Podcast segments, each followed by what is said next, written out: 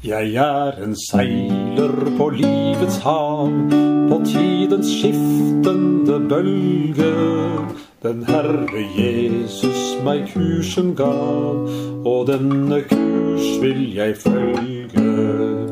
Jeg stevner frem mot de lyse lande, med livsens trær på de skjønne strande, hvor evig sol og sommer er.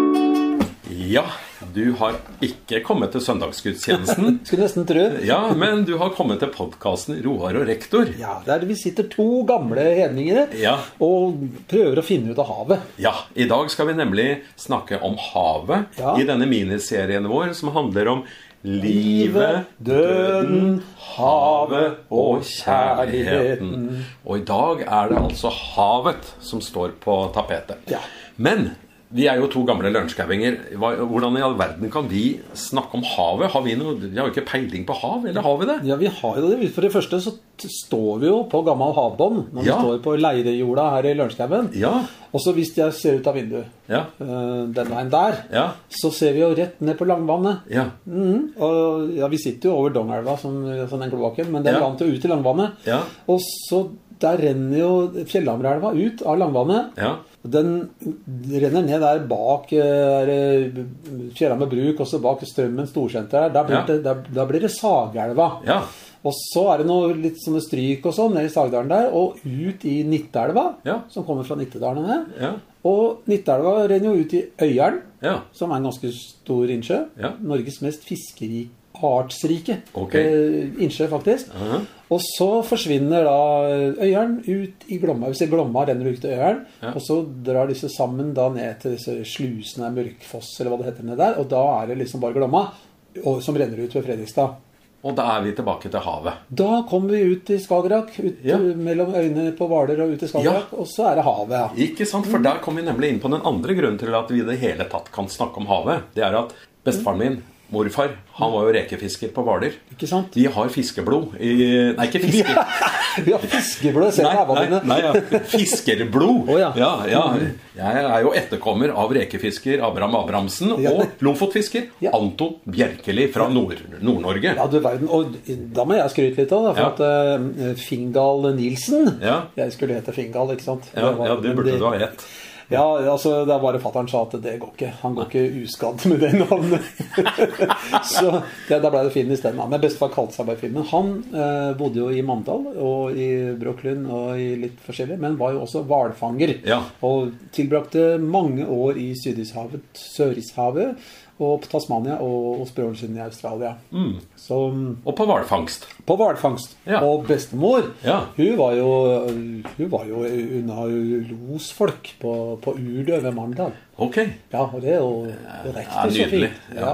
Nei, men Da kan vi bare slå fast at vi kan snakke om havet. Vi har autoritet nok. Ja, det skulle jeg anta, men har ikke egentlig alle det? For at, Alle, jeg tror alle nordmenn har et eller annet forhold til havet. Ja, Og alt renner ut av havet. Ja, ikke sant? Uansett hver minste lille Ja. fordømmer av det Ja. bekk, altså, det kommer Men ut i havet. hvorfor, hvorfor er havet så fascinerende og spennende? Og det, det, sånn at det kan på en måte sidestilles med livet, døden, kjærligheten. Ikke sant? Det er jo når du sitter og ser utover havet. Når du er på Hvaler, da, hvis vi flytter oss ned dit litt, for det er litt lettere å se Men når vi sitter der og ser utover det der uendelige Ja. vannspeilet som på en måte bare sluker sola om kvelden Ja, ikke sant? Så uendelighet er jo én dimensjon. Ja. Eh, Hvilke andre dimensjoner er det du kan tillegge havet, da? Det er jo så hemmelighetsfullt, da, for det er jo utilgjengelig. Ja, det er utilgjengelig, ja. Altså, vi kan plaske litt rundt og se på grunn av det Ja. men vi veit jo hvor utilgjengelig det er, og hvor Ja. djupt det er, ikke Ja, minst. vi kom, Det kommer vi inn på. Ja. Og så er det vakkert. Å, det er nydelig. Det kan være vakkert en sommerdag på Hvaler. Sitte og se utover eh, Skagerrak og Det er helt nydelig. Glitrer det, liksom. Jeg tok i sommer, så når det var eh, fullmåne Ja. i august, eh, og da var det sånn blodmåne, de kaller det. Altså helt okay. sånn rød måne, på en måte, når den kom Ja. opp. Ja. Og så ble den litt gulere, litt sterkere etter hvert som den kom opp på himmelen. Og da og det bestemte meg skal jeg hæren flytte meg bade i månelyset i havet.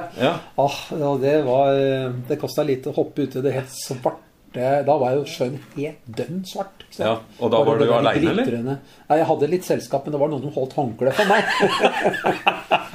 men eh, jeg, jeg måtte jo gjøre det splitt. Altså, man kler ikke på seg da. Nei, men det å hive seg naken ut i et mørkt hav, Ja. da tenker jeg jeg hadde vært litt engstelig for uh, visse deler av At noen skulle komme og bite deg i- Nedenifra. Ja, ja, du sant? veit aldri hva som finnes der nede. Nei. En steinbit for å se Oi, her er det mat! Her vi, vi vifter det litt sånn innbydende i vannet. Ikke sant? Nei, men uh, altså, Ja, men- noen ganger så er nakenbad helt uh, Ja, det er helt nydelig. Og fullmånenakenbad. det vil jeg Det, det, da har vi slått et slag for fullmånenakenbad. Ja. Også, men havet er ikke bare vakkert, det kan være grusomt. Ja, det er jo den andre siden av det. Ja. Og det er jo det som gjør det så fascinerende. At uh, vakkert på den ene siden. Folk Ja. Gråter jo når de ser eh, havet. Ja.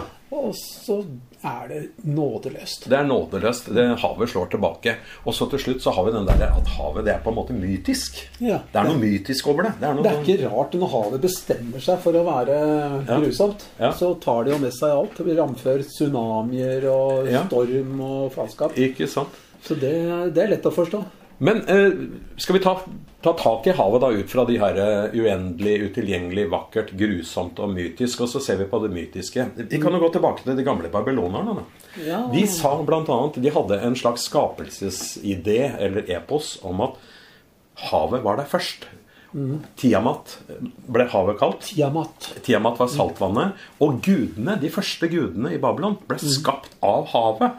Så havet var der altså først. Ja, men er det ikke sånn også med, med, Med Bibelen? Bibelen Jo, det er også noe, noe der i, om eh, urvannet til Hum. Nå husker jeg ikke helt, men du kan jo si litt om hvordan det var i begynnelsen.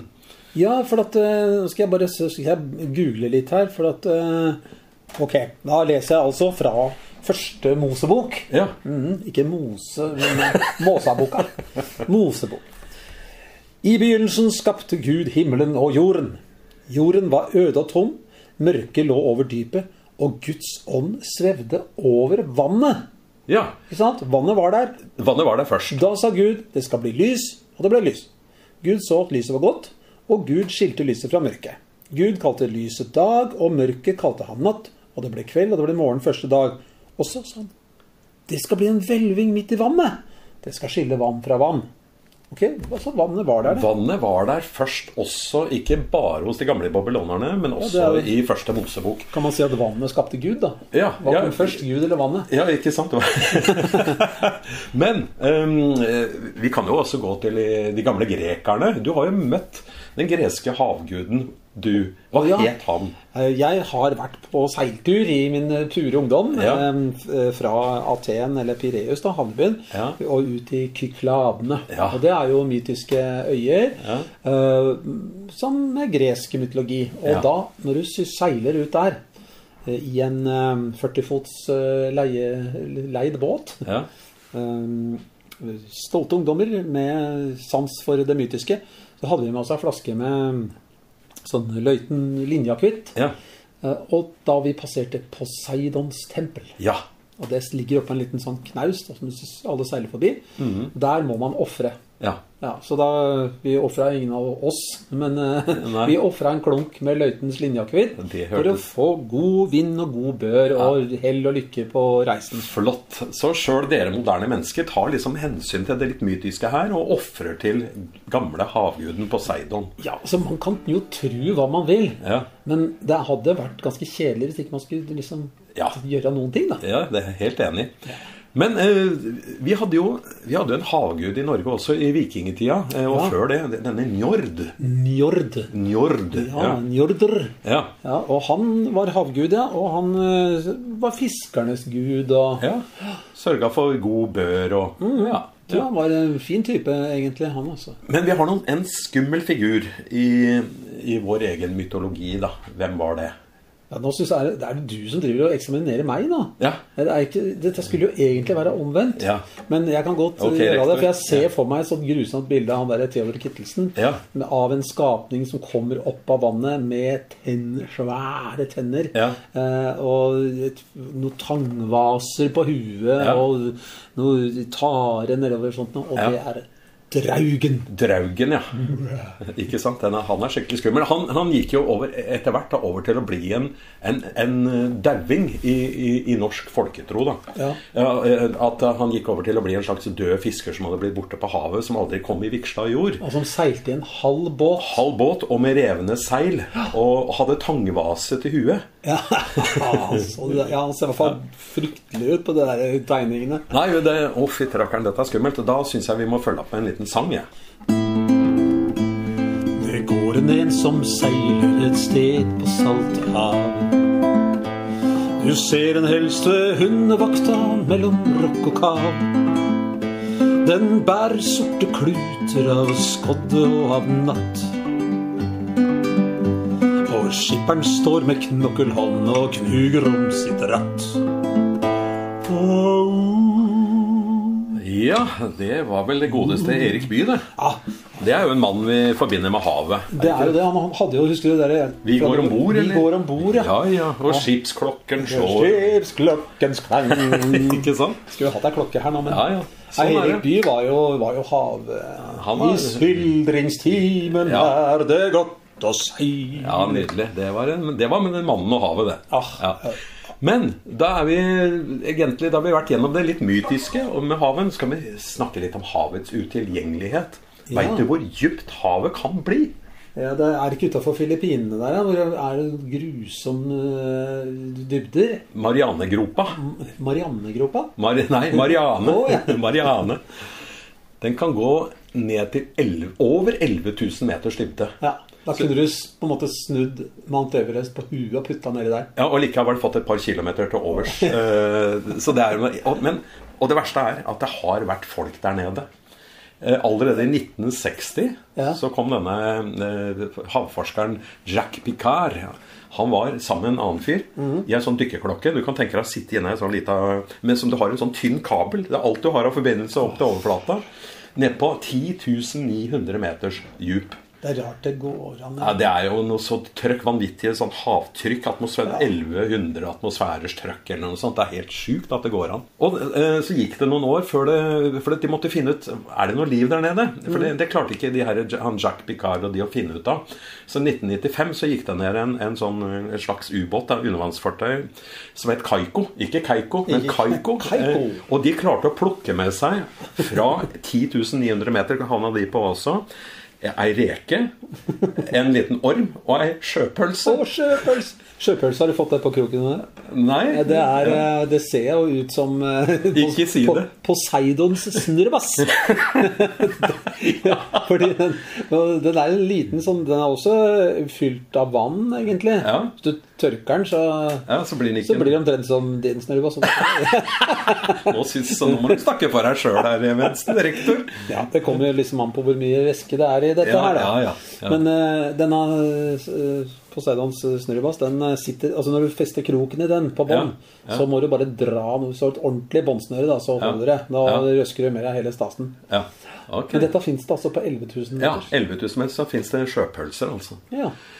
Og, men vi har hatt flere folk der nede. Du vet han filmregissøren, han som skapte Titanic, James Cameron. Ja, han han, også han er fascinert av de store havdyp, for han var nede på, også på 10 900 meter i 2012. Og det er klart at uh, Titanic ligger vel på noen 5000 meter, eller noe sånt, så han gikk ned til det dobbelte av det. Ja. Så jeg tenker at det er jo en fyr som har vært i over gjennomsnittet fascinert av de store havdyp. Han fikk litt sånn kick av den filmen. Da, sikkert. Sikkert. Ja. Men vi, vi også har jo vært nede i det utilgjengelige havet, Finn. Vi har jo drevet med dykking.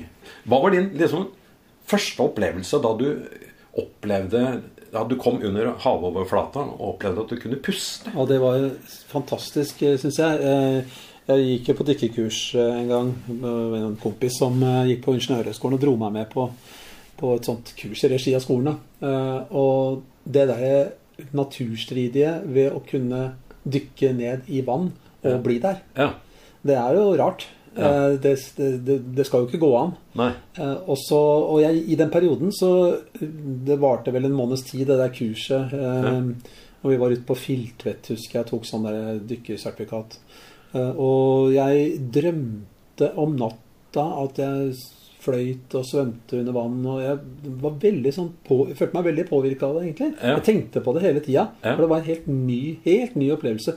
Og dere som er unge og spreke, hvis dere tør altså, Hvis du har anlegg for panikk, Ja. da skal du ikke drive med det der. Nei. For du vil før eller siden oppleve uforutsette ting. Det kan være at noe henger seg litt opp, eller at ting, utstyret ikke funker helt som det skal. Eller, Ja, ja. Eh, ja, du skal ikke, helst ikke få noe fri oppstigning eller noe sånt. Nei, jeg har hatt et par sånne opplevelser, jeg også. Ja. Dårlig opplevelse. Men det jeg husker, det første dykket mitt, også det der å, å komme under vann og den følelsen av vektløshet. Og det at du lukker deg helt borte fra den verden du kjenner. Plutselig er du i en helt annen verden. Ja. Og den derre Jeg følte på en måte en sånn velvære. Det var nesten som å komme hjem. Ja, men også, det jo, Du kaver jo så fælt, i hvert fall her i våre, på våre breddegrader. Ja. Men du skal ha på deg det, alt det tunge utstyret, og Ja. jeg dykka med tørrdrakt om vinteren og sånn, og det er så tungt. Ja. Og så når du kommer ut i vannet, så løser alt seg opp. ikke Ja. sant? Da kommer oppdriften, og alt blir lett og fint, og vektløshet, og det er komfortabelt og deilig. Og så, som du sier, så kommer du ned under, under overflaten, Ja. og så er det helt annen verden. Helt annen dimensjon. ja. Nydelig. Nei, det er nydelig. Og jeg fikk lyst til å dykke igjen nå. Ja, Nei, det, det gjør vi. Ja, kanskje vi må, må gjøre det. Ta et sted hvor det er litt, vi kan gå ut i litt kontrollerte former. Ikke sant? Nemlig. det kurset jeg var på, var litt sånn der eh, militært på en måte. Vi ble nesten sparka ut av den båten vi skulle Det var ikke noe kjære mor. Nei, det var ikke noe kjære mor, altså. Nei. Og begynte du å gulpe og bli nervøs da, så fikk du ikke noe sertifikat. Nei. Men eh, noen som er vant til å opptre på de store havdyp, da, det er jo et vesen som fascinerer meg, er jo hvalene. Hval. Eh, og du, du fortalte meg en gang eh, om noe som heter hvalfall. Hva er det? Ja, det er hvalfall, ja. Det er, eh, det er et nydelig bilde, fordi det er jo ikke alle hvaler som fanges. De dør jo på et eller annet tidspunkt Ja. av alderdom eller prostata eller hva vet jeg. Ja. Men dem, eh, da begynner de jo Da synker de jo til bunns. Ja. Og det hvalfallet, det er jo en betingelse for veldig, veldig mange arter. Ja. Og det blir mindre av det, og da er det arter som blir trua. Ja. Og økosystemet, som du vet, det er jo avhengig av at alle leddene eh, er der og fungerer. ja. Så hvalen den bruker jo også lang tid på å langsomt sige ned, Ja. og ulike arter begynner jo da å spise Ja, på den. og det tar dagevis før den på en måte For de, de kan jo synke ned på flere tusen meters dyp, ikke ja, sant? det kan ta dagevis. Ja. Og på vei ned her da, så kommer det diverse slimål og parasitter og, og ting og tang, og spiser på den. Kommer litt lenger ned, kommer det kanskje noen større dyr, hai eller andre litt høyere opp i næringskjeden. Og til slutt så, så lander dette hvalmonsteret Det er jo så, kanskje så stort som en London-buss, ikke Ja, sant? ja. Lander mykt der nede i Marianegropa, eller Ja, hvor det ja, er. ikke sant? Eh, Med et lite poff, forestiller jeg meg. Ja. Og så kommer det krabber og Ja, andre Og det blir kanskje liggende i årevis før det på en måte har Ja. fora på en måte et helt sånn derre økosystem. Noen spiser fettet, noen spiser musklene, noen, Ja. og til slutt så er det noen som går løs på beina òg. Altså, Ja, ja. Hele den beingrina. Ja. Og til slutt så er det ikke noe mer igjen. Nei. Nei. Yes, du snakker. Da er det fullt Men- kretsløp. Deilig å tenke på. Rektor, du fortalte meg Du er jo interessert i dette her med paring. Ja, det er jeg jo sikkert aleine om her i Ja, du er, du er nok den eneste i dette rommet som er interessert i det. Eh, Men eh, du fortalte meg en gang en veldig fascinerende historie om hvordan knølhvalene parer seg. Å ja, du, du beit deg merke Ja, i det, det? det, ja, jeg husker. Ja, Det er ikke alltid pensum jeg husker, men akkurat dette her husker jeg. Du identifiserte deg kanskje litt med det òg? Jeg tenkte jeg ble litt misunnelig. altså- Fortell. Det. ja, ålreit hvis det, de som hører på, tåler det, da. Ja. Men altså, eh, hund og hannknølhval Ja, de eh, treffer hverandre ned på ganske store dyp. Ja. Så vi kan snakke om kanskje et par tusen meters dyp. ja, Eh, De kommer mot hverandre, og Ja. så, og så rett før liksom snutene møtes, ja, i god fart, ja, så bøyer de seg med snuta oppover. ja. Og så kommer hannhvalen da med sin gigantiske greie. ja, Eh, og det, de monterer, ja. for å si det på godt norsk. Og så, under denne kopulasjonen, da, Så svømmer de så oppover. svømmer de oppover, ja. Ja, Eh, mens de har seg. ja, Og så bryter de vannflata. ja. Og, og da detter de fra hverandre. ikke sant? Og da faller de da på ryggen i hver sin retning. ja.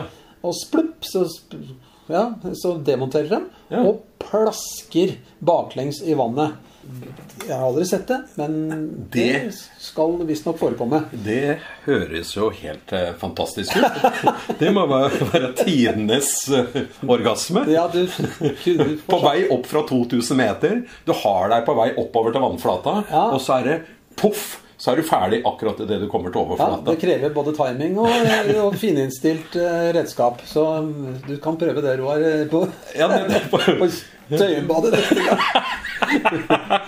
Ja, ja. Jeg, eh, vi får vel nøye oss med eh, Jonas i hvalfiskens buk, vi, tenker jeg. Ja.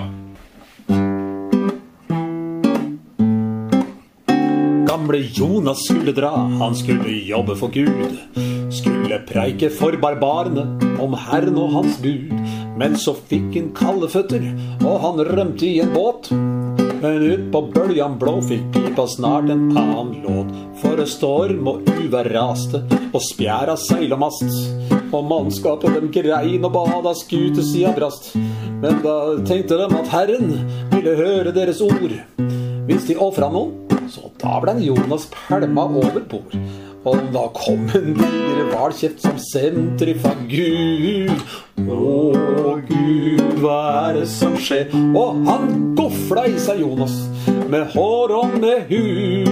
Å Gud, det er sånn som skjer. Ja, ja, ja, ja, ja, ja, ja.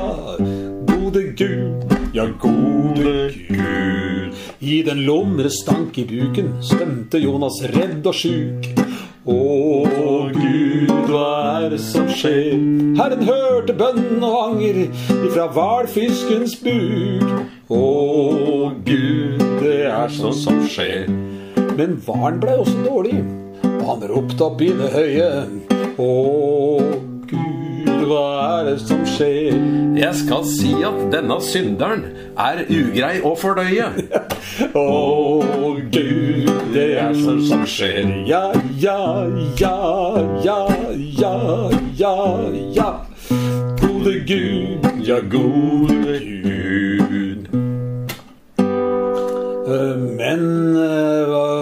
Hvalen han svømte rundt, og han var så kvalm som han bare kunne bli. Å Gud, hva er det som skjer? Og etter tre dager så satt Jonas fri, dere. Å Gud, det er sånn som skjer. Ja, ja, ja, ja, ja, ja, ja.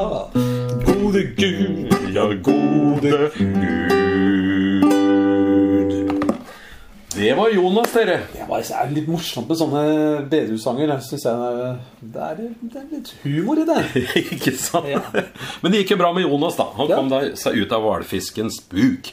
Og da har vi vært enige om det utilgjengelige havet. Mm. Men nå skal vi snakke litt om det uendelige havet. Eh, For oss som har sett bilder av planeten i Jorda, vi vet jo at eh, i dag så vet vi at havet ikke lenger er uendelig. Men du kan tenke deg vikingene som sto borte på Vestlandet og speida utover. Ja. Og for dem må jo havet ha vært uendelig.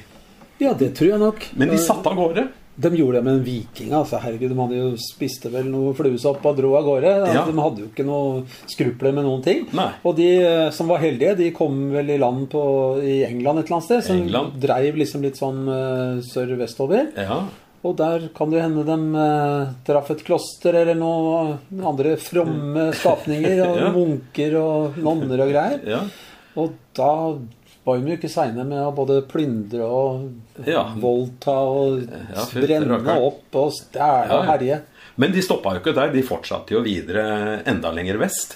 Eh, Island, Grønland, og så havna de til slutt i Vinland. Vinland, ja. Leif Eriksson og kompani eh, sannsynligvis var de første europeere som kom da til det nye kontinentet. Uten at de visste at de hadde vært der, egentlig. Ja, ja. Men det var ikke så farlig. De slo seg Men ned, dem. en annen som også heller ikke visste at han hadde vært og oppdaga en ny verden. Ja, nå veit jeg hvem du tenker på. Ja, hvem da? Nå tenker du på den gamle hedersmann Vasco da Gama.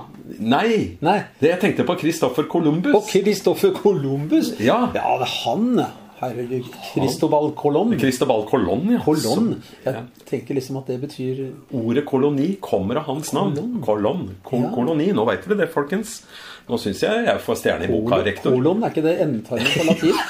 Det er det også. Nemlig. Nå fikk jeg Men, en liten stjerne.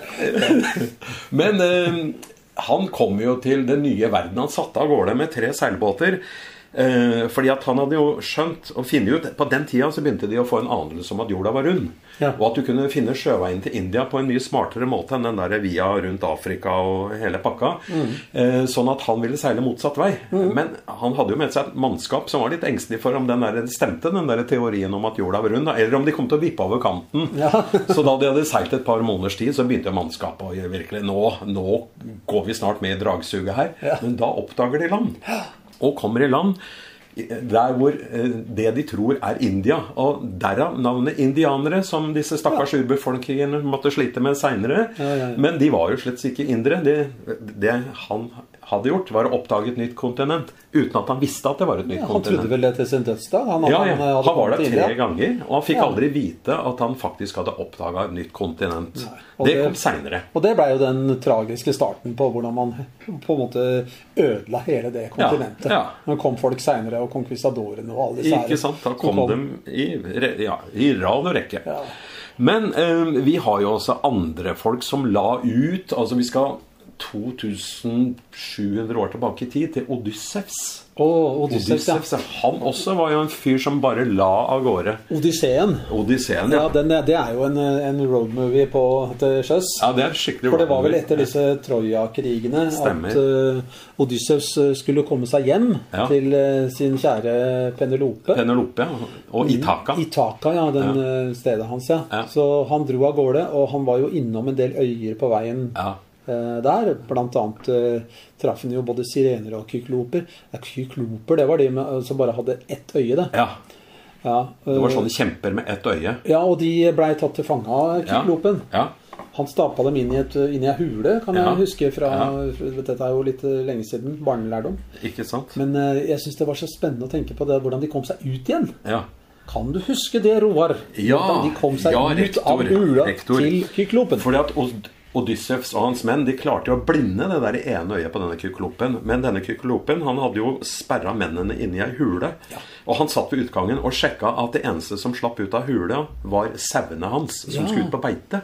Men Odyssevs og mannfolka de var jo ganske smarte, så de hang seg under buken på hver sin sau. Mm. Og så når eh, sauen gikk ut, så sjekka kykloppen, Og Han klappa dem litt på ryggen, klappa dem, liksom. så sa sauen bæ, og så fikk de gå. Og så kom sau nummer to, og der hang det jo en mann under buken på sauen. Ja. Og hvis sauen ikke sa noe, så måtte jo mannen si bæ! Og dermed så, så klarte de Og de kom seg jo gjennom farer, og de møtte jo sirener, og de møtte jo de skumleste Det der med, det der med sirenene, Ja. eh, det syns jeg er litt eh, spennende. For det, jeg ser jo hva slags makt kvinnfolka har over mannfolka. Ikke sant? Hør sirenene sang. Ja, og når de sang, da blei jo alle mannfolk helt fullstendig gærne. Ja. Så, men han, Odysseus han ville jo høre sirenene synge. Ja. Og da gjorde han det geniale. Han, Ja. ja. du husker det kanskje? Ja. Han hadde nemlig blitt advart på forhånd at sirenene sang, det var døden. For Ja. da, da ville mannfolka bli med ned i dypet med disse sirenene. Og bli lokka med seg av sirenenes sang. Men eh, Odysseus han putta bivoks i øra på mannskapet sitt. Sånn at de kunne ro gjennom dette farvannet eh, uten å bli påvirka av sirenenes sang. Mens han sjøl ba om å bli bindt fast til masta. Mm. Så han fikk lov å høre sirenenes sang. Og han sa uansett hvor mye jeg roper og skriker, ikke slipp meg fri. Eh, for- det var døden. Ja, da hopper han over bord, ikke sant? Men så Odysseus var jo den eneste da, som har hørt sirenenes sang og kommet levende fra det. ja, det er godt gjort. Ja, er Vi andre gjort. er bare litt skada, på en måte. Men eh, du var jo inne på denne Vasco da Gama. Hva var Ja. det for noe spesielt med han egentlig? Vasco da Gama. Var litt av en type. Ja. Han blei vel sponsa av en eller annen konge eller noe. En portugisisk konge eller Ja, sånt. ja, så for å dra ut og finne ut saker og ting. Utstyrt til en eller annen ekspedisjon. Og da han eh, dro, så visste han jo ikke hvor han skulle. Nei. Og han kom fram et eller annet sted, så visste han jo ikke hvor han var. Nei. Når han kom tilbake igjen, Ja. så visste han ikke hvor han hadde vært. Jøss. Ja, Det er omtrent som deg på en vanlig lørdagskveld. Lørdagskveld på Skåresletta i ungdommen.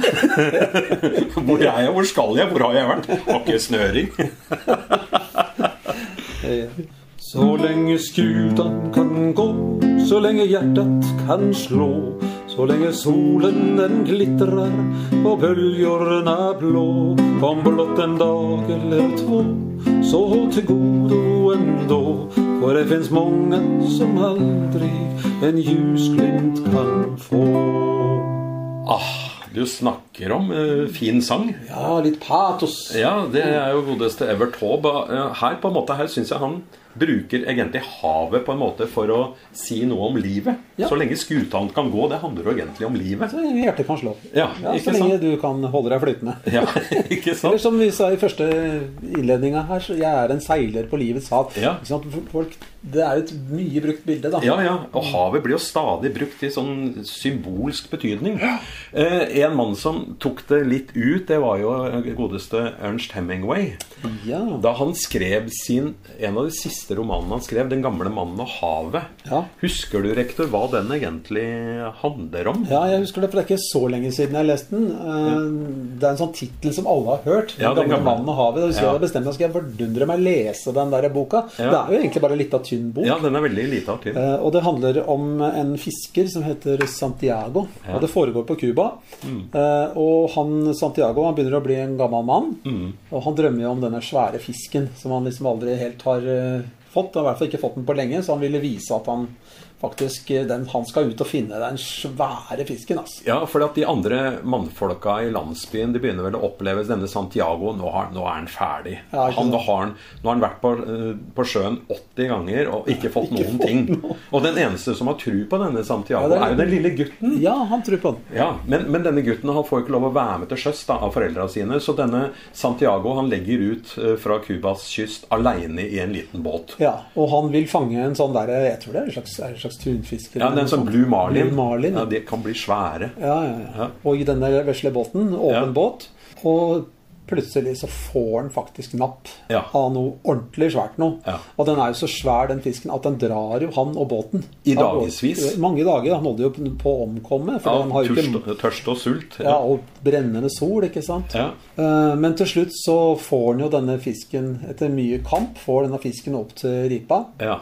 Og da eh, må han får den jo ikke om bord i Nei. båten sin heller. Fisken er jo like svær som båten. Ja, Så han tjorer den til, til akter da, og forsøker å komme seg hjem igjen. Ja, Det det er litt sånn delvis seiling og roing han driver med, tror jeg. ja.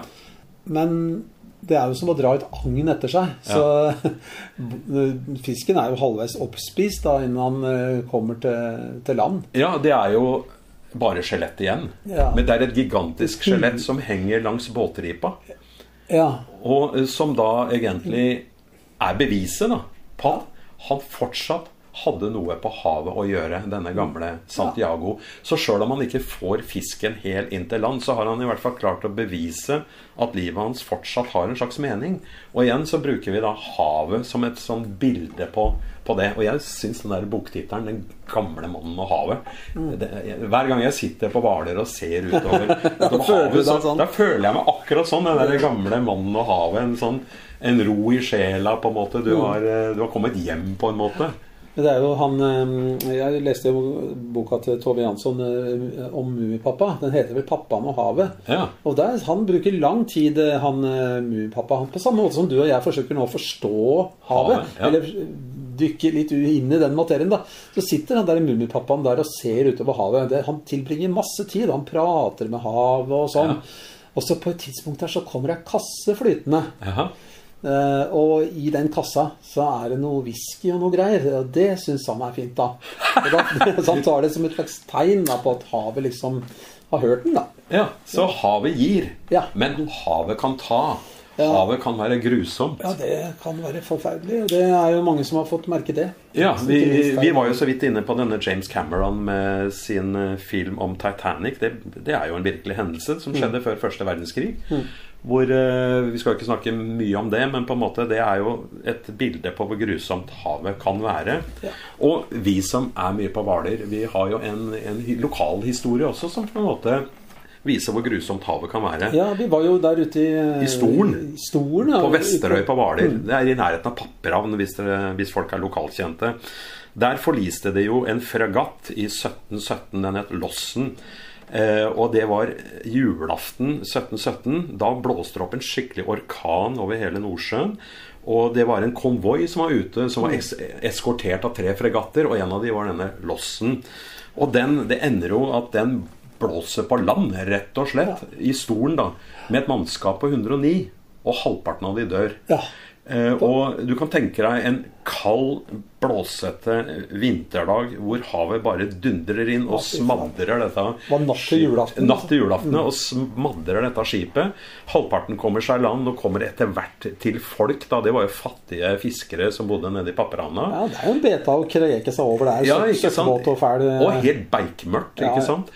Og så drar de tilbake dagen etter for å se kan de finne noen overlevende. Det gjør de jo selvsagt ikke. Der ligger jo folk og driver i sjøen. Noen har blåst på land. Og det ender jo med at de må begrave 55 stykker Mm. i ei myr rett overfor bukta, Ja. oppi stolen.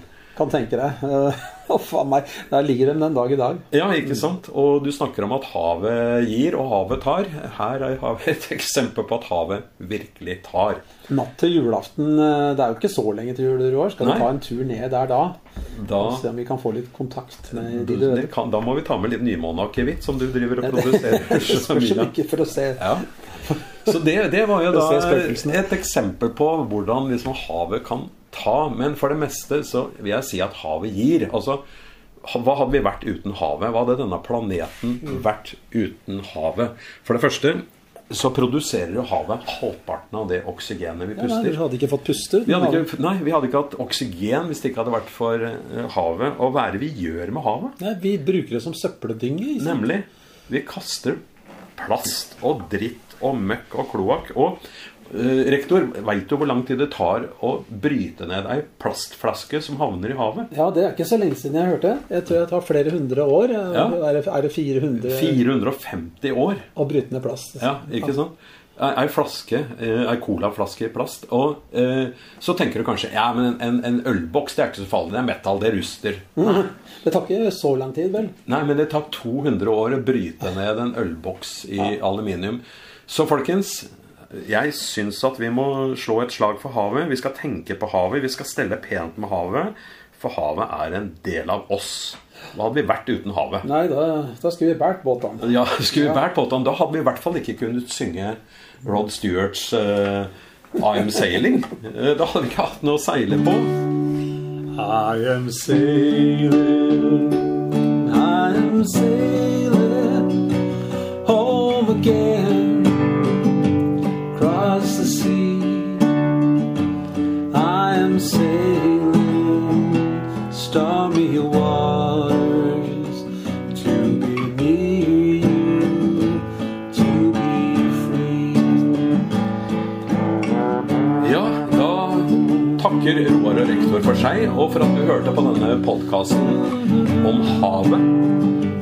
som en del av de fire store livet, døden, havet og kjærligheten.